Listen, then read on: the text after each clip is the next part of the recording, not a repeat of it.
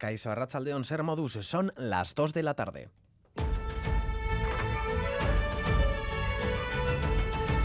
Crónica de Euskadi con Lier Puente.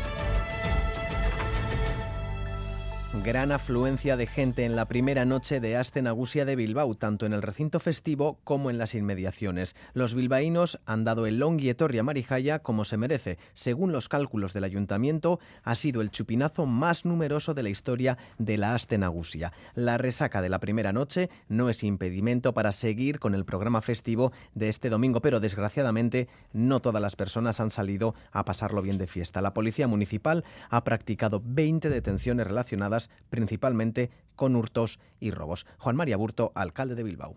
Que no ha habido incidentes especiales a lo largo de, la noche. ¿no? Ha habido robos, ha habido hurtos y ha habido 20 personas eh, detenidas a lo largo de la noche. Mucha eficacia policial, mucha policía en la calle preocupándose por la seguridad de la gente que está en la fiesta, que está a divertirse, que es a lo que hay que estar. Así que creo que de momento podemos seguir avanzando en la fiesta y hacerlo pensando en divertirnos. Las fiestas de Bilbao acaban de comenzar en Donostia, sin embargo, cuentan ya los días para las próximas. Hoy el alcalde Neco Goya ha hecho balance de la Aste Nagusia Donostiarra. Ha calificado esta edición de redonda, con buen ambiente, con una asistencia de 1.200.000 personas. Goya ha subrayado que no ha habido denuncias por el momento de agresiones sexuales y las únicas actuaciones de la Policía Municipal y Erzainza han sido por hurtos o tráfico de sustancias estupefacientes. 75 detenciones. Ha sido una haste nausea redonda en la que hemos podido cumplir con todo el programa. La participación de, de, los públicos ha sido masiva y de eso se trata en unas fiestas, que el público participe. Y eh, todos hemos tenido ocasión de disfrutar de una oferta plural y diría que además lo hemos hecho en un, buen, en un muy buen ambiente. Y seguimos pendientes del incendio de Tenerife. Ya ha arrasado 10.000 hectáreas, mientras en el flanco sur la situación comienza a estabilizarse, en el del norte las llamas siguen sin control. El incendio forestal se extiende por 10 municipios y hay 12.000 personas evacuadas. El incendio sigue teniendo un perímetro muy grande, 70 kilómetros. El objetivo de los bomberos a lo largo de este domingo es aprovechar el día para consolidar todas las zonas del norte. El trabajo de equipos de extinción ha evitado por ahora que el fuego queme viviendas. Fernando Clavijo, presidente de Canarias. El casco sur de la zona de la Esperanza, todo ese perímetro está estabilizado. Nos decían que durante la noche se había comportado muy bien y podíamos hablar de la estabilización de toda esa parte del perímetro. Esto es importante porque a la medida que vayamos consolidando zonas estabilizadas podemos ir desviando recursos y en periodo vacacional para miles de vascos y vascas las donaciones de sangre sufren en Euskadi un descenso de entre el 30 y el 50%, algo habitual, por lo que los centros de transfusión buscan estabilizar las cifras de donaciones necesarias. Por ello, recomiendan donar antes de irse de vacaciones.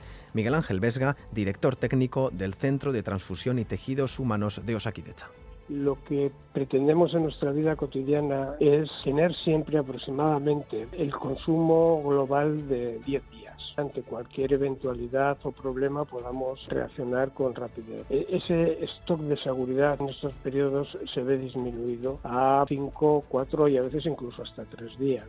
El cuerpo sin vida y con signos de violencia localizado este sábado en un edificio abandonado en el Monte Archanda de Bilbao corresponde a un varón todavía sin identificar. El cadáver se encuentra en el Servicio de Patología Forense de Bilbao para proceder a su identificación y autopsia. Por otro lado, la Erzainza ha detenido a un hombre de 45 años en Guecho acusado de maltratar a su padre. Se le imputan los delitos de violencia doméstica y lesiones. El arrestado ya ha pasado ante el juez. Y tiempo también para repasar las noticias deportivas junto a John Zubieta. Rachaldeón. A Rachaldeón, además, para decir que ahora mismo Irene Paredes y Ollane Hernández se han proclamado campeonas del mundo. El sueño de ganar el Mundial de Fútbol Femenino se ha hecho realidad gracias a un tanto de Olga Carmona en la primera parte. España ha ganado a la potente Inglaterra en Sydney y amarrado un penalti fallado por Jerry Hermoso. Por tanto, Irene Paredes y Ollane Hernández, campeonas del mundo.